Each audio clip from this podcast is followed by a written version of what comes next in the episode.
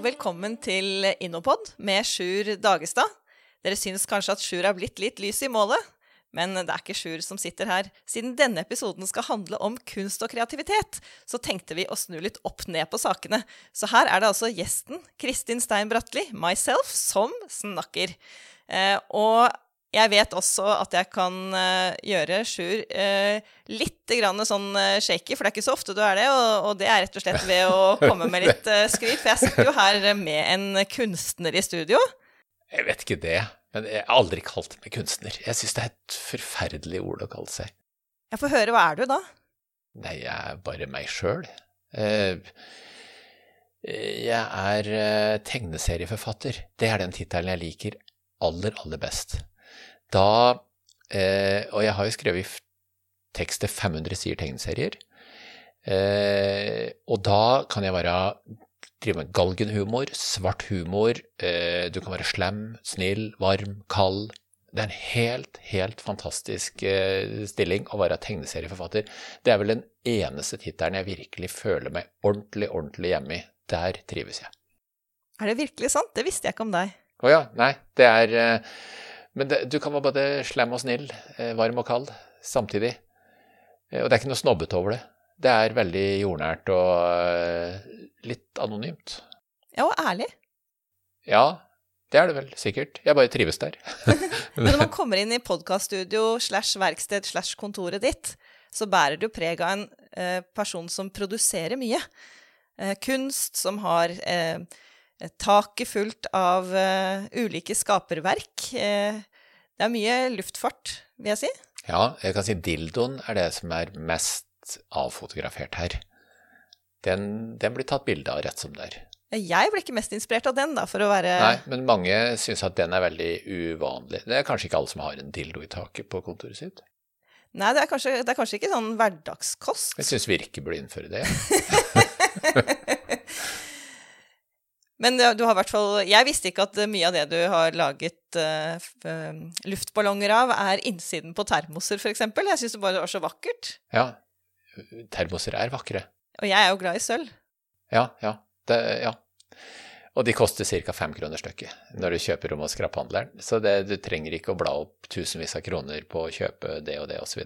Du kan skape Altså, Kjartan Slettemark er jo en av mine desidert store forfattere. Hvis du hadde vært her for halvannet år siden, så ville du ha sett uh, uh, Marilyn-serien med Kjartan Slettemark på veggen her. Ni bilder uh, laga etter Andy Warhol-stil, men med Kjartan Slettemark uh, i motivet, da. Hva er det de bildene gjør med deg? Vet hva, det er en reise inn i en annen verden. Helt Ja, nei, det er um, Kjartan Slettemark er jeg har lyst til ikke bare bildene, men, eller bildene med Kjartan Slettemark. Nixon-passet til Kjartan Slettemark, f.eks.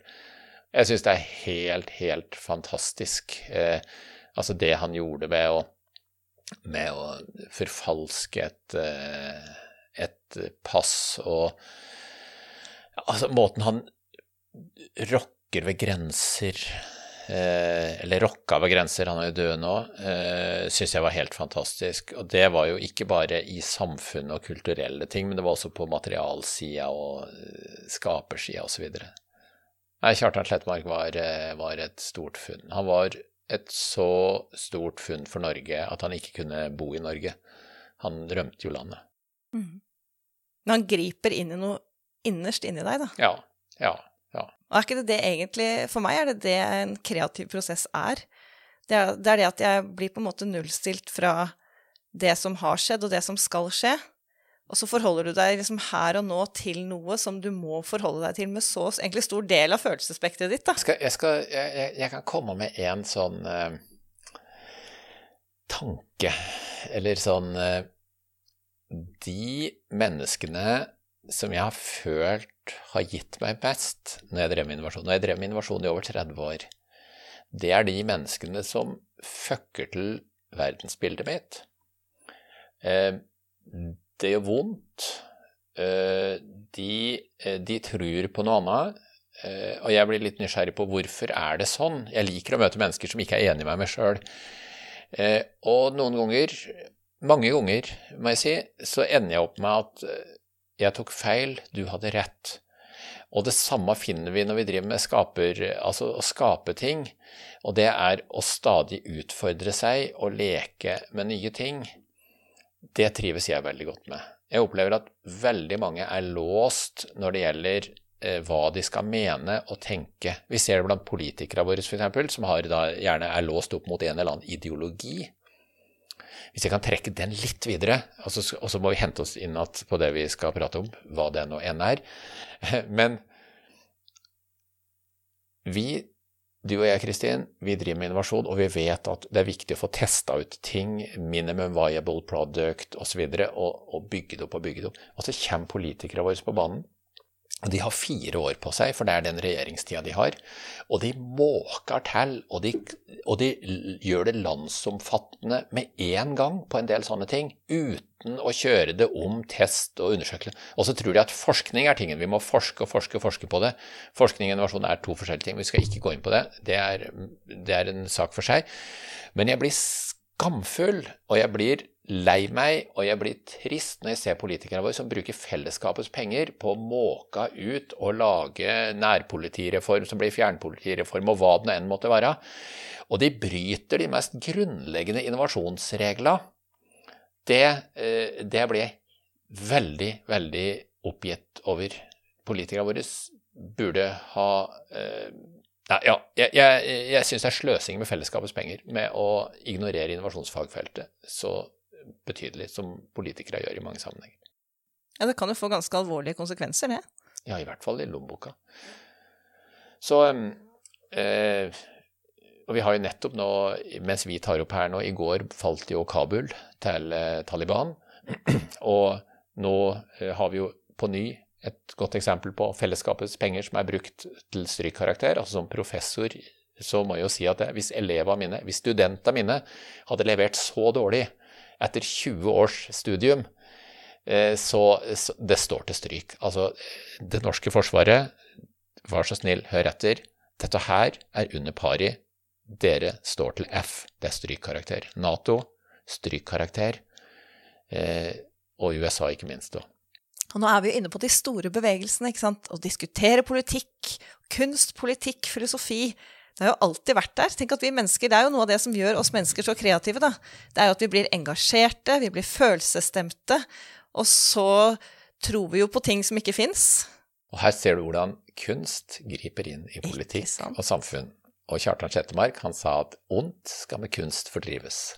Ja, og farfaren min, han var illustratør og livnærte seg av det. Oh, Grafiker og illustratør. Herlig. Og I 1943 så ble han arrestert og satt på Grini fordi han lagde en førsteside, illustrasjon førsteside til eh, et ukeblad, norsk ukeblad. Eh, og det ble tolket dit hen at det var eh, Quisling og Hitler på glattisen med en jente med rød topplue som sto ved siden av og kniste. Og det var nok til at han gikk resten av krigen med et sånn skudd, hva heter det, målskive på ryggen. Mm fordi han hadde tegnet en forside. Ja. Så det er i aller høyeste grad aktuelt for, eh, for storpolitikken, egentlig. Mohammed-karikaturene, ikke sant? Store konsekvenser politisk og Men vet du hva? Der har jeg lyst til å trekke det helt ned på landjorda igjen. Ja, gjør det nå. For, det, for det, det du sa der, det trigger noen tanker hos meg. Og da skal jeg ta tak i Osterwalders forretningsmodell Canvas. Den elsker jeg. Du elsker den? Ja, det. Ja, men det er fint. Og for det første, eh, så Vi har drevet med den i flere år. Og for mange år siden så, så var den i andre versjoner. Eh, litt, den er litt lite brukervennlig i mange sammenhenger.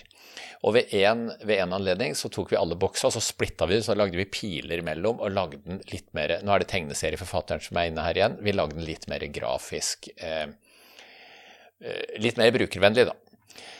Og da, da, opplevde jeg, når vi underviste i dette her, så brukte vi vår versjon av Osterwalders eh, forretningsmodell lerret, som det heter. Canvas er jo egentlig bare lerret. Canvas er et lerretstoff. Eh, og da satt jo folk i salen da, som hadde googla og fant, fant, jo ikke den varianten vi hadde. Og jeg husker vi hadde Forskningsrådet på, på kurset, så, det, så det, var, det var forskere, eller folk i Forskningsrådet. De er jo ikke forskere, de som jobber i Forskningsrådet.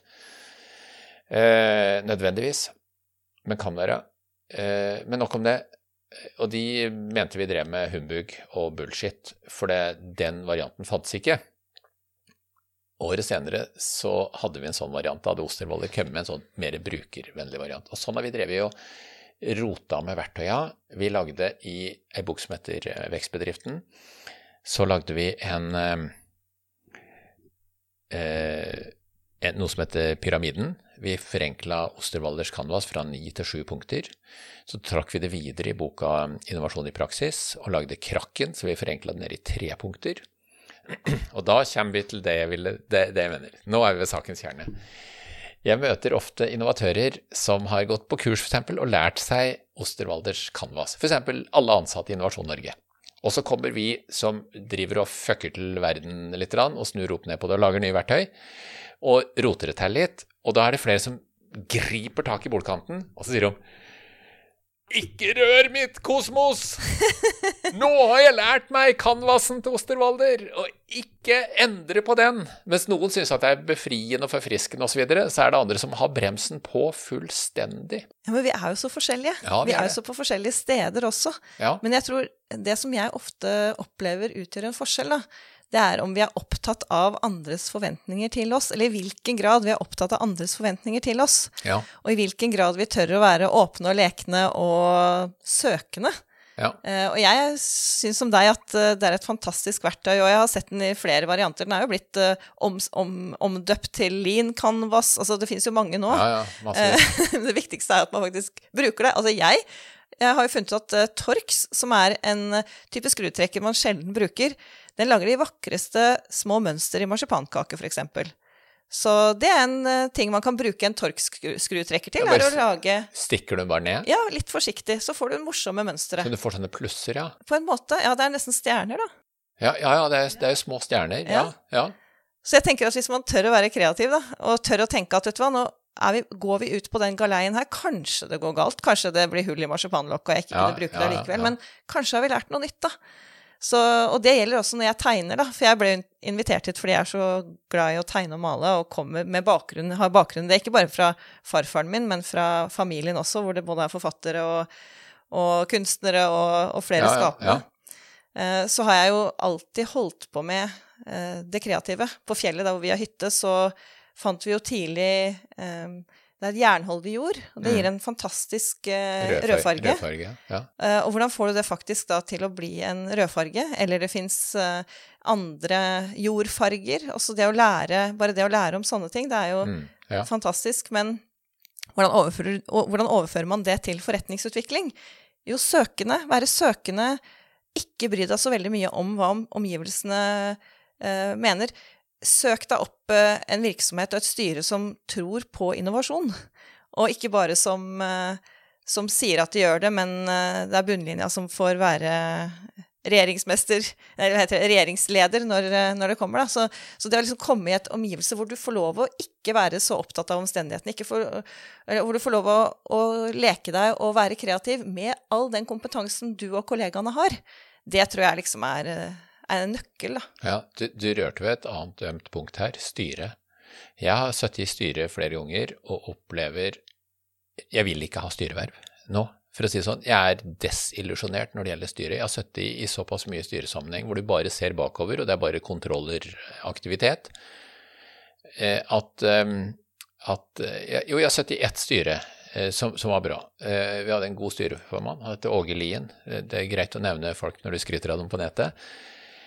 Eh, Folk spør om jeg jobba med Lien. Ja, jeg jobba med Åge Lien. Han var eh, styreformann i Gran Handel og Håndverk. Og det var Handelsstandsforeninga på Gran. Og jeg satt i styret der, og jeg skulle ha ansvaret for innovasjon. Og eh, jeg var der bare ett år. Eh, og da, eh, når vi jobbet, eh, da brukte jeg mye av studentene mine på NTNU òg, og vi så på Gran, eh, tettstedet Gran som produkt. Og det endte opp med en potetfestival. altså Alle steder med respekt for seg sjøl har en festival. Og potetfestivalen på Gran den kom ut ifra min stilling i Gran handel og håndverk eh, i styret. Eh, og, og så er det selvfølgelig mange som har vært med og lagd det og skapt osv. Jeg har kun vært borti det knøttlille frøet, eh, og det var ikke jeg som fant på det engang. For vi, akkurat som du har arkitektkonkurranser, så lagde vi en innovasjonskonkurranse på NTNU med førstepremie var 10 000 kroner eller noe sånt osv. Med posters og alt mulig, så studenter på NTNU engasjerte seg. Det kom all verdens forslag ifra helikopterbase på Gran, hvor vi skulle ha kasino ute i Nordsjøen på avlagte oljeplattformer og alle mulige rare sånne ting. Men Potetfestivalen dukka opp som et av forslagene. Og det er gjennomført. Det er det eneste styrejobben jeg har vært med på hvor innovasjon ble tatt på alvor, og det skyldtes styreformannen Åge Liens eh, seriøse håndtering av det. I alle andre sammenhenger så har man vært mer interessert i å kikke bakover og se hvordan regnskapstallene var. Altså rett og slett kjøre framover og kikke i sladrespeilet. Men der er det en endring på gang, da. fordi Ja. man står jo under stadig større krysspress. Og jeg kommer jo fra mediebransjen, en bransje som har vært de siste 20 årene under veldig stor endring. Ja. Og det har også tvunget fram egentlig også ny kompetanse inn i styrene, for jeg tror det handler mye om hvilken kompetanse du har. Ja. Jo mer kompetanse du har Altså, det, det var jo fort sånn at eh, medie, de gamle medieredaktørene fikk lov å mene mye om teknologi og plattform og økonomi.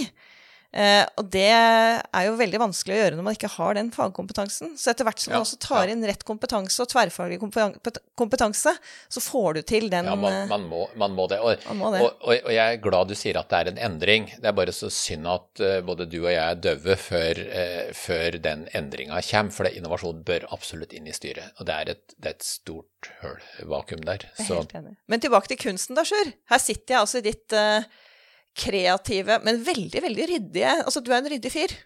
Ikke sant? Jeg ser jo det. Du er en ø, fyr som i alt ditt kreative ka kaos har stålkontroll og orden. Hvordan klarer du å kombinere de Nei, altså Hvis jeg ikke hadde hatt det, så hadde jeg blitt helt frustrert. Og, eh, og når jeg har lest om kreativitet, så er det veldig mange som kombinerer kaos med kreativitet. Og det blir kaos når du driver på, eh, eller sånn Det blir jo en del ting, eller rot. Noen vil si at det er fortsatt orden. Men, men eh, jeg leste en artikkel om Harald Eia. Det var første gangen jeg traff på en som sa han måtte, ha, han måtte fjerne alt av unødvendige forstyrrelser. Han måtte gå ordentlig inn i sakens kjerne. Eh, han ble frustrert av eh, rot, og fikk jobba strukturert av eh, eh, hvis han hadde orden. Og eh, jeg har orden, eh, og det syns jeg er helt fantastisk. Da slipper jeg å bruke tid på det. For det, som òg skjer, eh, Kristin, er at eksempel Dette kan høres litt sjukt ut, men, men hvis jeg hadde gått eh, som, jeg gjorde før en del, da, gå opp i søp, eller jernstål, eh, skrap, jernskrapkonteineren på Dagestamek, og så plukke ut ting og lage skulpturer av, så er det sånn at oppi der så er det bare jernskrap for folk flest. Men for meg så er det 600 gjenstander som alle roper i munnen på hverandre. Det er en gammel lampe som ber om å få bli til en, eh, en fugl, og det er noen plater som ber om å få bli til et eller annet. Altså sånn eh, jeg, Det er det jeg sier høres litt sjukt ut, for jeg hører jo ikke stemmer av tinga prater. For da må vi ha en annen samtale her. Nei da. Ja, må det. Men sånn som vi, vi var på Korsika, Kjersti og jeg, eh, og da lå det svære, flotte kongler på bakken, altså sånne store kongler. Og de bare ba om å få vinger og opp og fly, og du ser det er ganske mye kongler i taket. Eh, og, og sånne type ting, altså eh, hvis jeg hadde hatt det kaoset, eh, så hadde det jo blitt som om 100 mennesker roper i munnen på hverandre. Det hadde ikke gått. Så mm, ja. Det er jo fantastisk å ha den egenskapen, da, å gå rundt og se muligheter. Det er jo egentlig det du gjør, og det er jo det Ja, ja. innovasjon handler om òg. Så lenge det er muligheter man kan nyttiggjøre seg av, Ja. så er det jo fantastisk å ha den egenskapen. Faren min han, han fant ut at han skulle plukke opp alle små sånne eh, figurer han fant på, på bakken. Eh, det var ofte litt sånn nedtråkket eh, plastfigurer av små dokker eller Ja. Og så vasket han de nøye, og så satte han de foran i Volvoen sin, for han tenkte at eh, ditt liv er ikke over, jeg har reddet deg, du skal få kjøre Volvo. Oi, Det ble faktisk en film ut av det som het 'Pappa og de forlatte små'. oi. Yes. Men de, så de kjører Volvo. yes, Det er ikke hver dag. Så kult. Du må ta med faren din hit. Jeg lover å ta med Ja. faren min hit. Men da eh, Du skal få lov til å avslutte, du Kristin, for det, nå har du vært programleder uten at du har visst om det. Du skulle egentlig bare lage en intro, og, men før jeg overlater avslutninga til deg, så, så eh, så tenkte jeg altså si noe som burde gjøre lytteren misunnelig, men som sannsynligvis er bare helt way off. Men eh, Gutenberg kom på 1450-tallet med eh, bibelen sin. Jeg har jo i årevis drømt om en Gutenberg-bibel, men eh, prisen er jo ca. 1 million kroner per ark. Og så har vi ifra Gutenberg trykte Bibelen og fram til 1501 av alle ting 1501, men det er det årstallet. Det som ble trykt fram til da, det kalles inkunabula. Inkunabula er et slags eh, klede du, eh, du pakka inn eh, nyfødte med, eller i. Så, så det betyr egentlig bare nyfødt, sikkert på latin eller noe sånt. Så Kristin, du skal få avslutte, men før jeg gir meg, så når vi har lagt på her nå, så går vi inn og så tar vi en titt på et par inkunabula. Jeg har både på kalveskinn og, på, og hånddekorerte på klutepapir. Eh, så da skal du få holde tak i noen ting fra 1478 og 1474, og virkelig eh, komme så nær Gutenberg-bibelen som overhodet mulig. Og det er verdens viktigste innovasjon. Og dette her er min måte å komme så nær kilden som overhodet mulig. Kristin. Fantastisk. Du kan få avslutte. Ja, Det spørs om jeg har tid til å avslutte nå. Men vet du hva, tusen takk for at jeg fikk komme, for jeg er jo fortsatt gjesten. Eh, ja. Det har vært eh, veldig veldig spennende å komme litt under huden på deg, Sjur Dagestad, i denne episoden. For du er en kreat jeg vet du ikke liker dette, men du er en veldig kreativ fyr, og en veldig inspirerende fyr. Og ikke minst, jeg vil si du er en kunstner. Takk for meg. Takk, takk.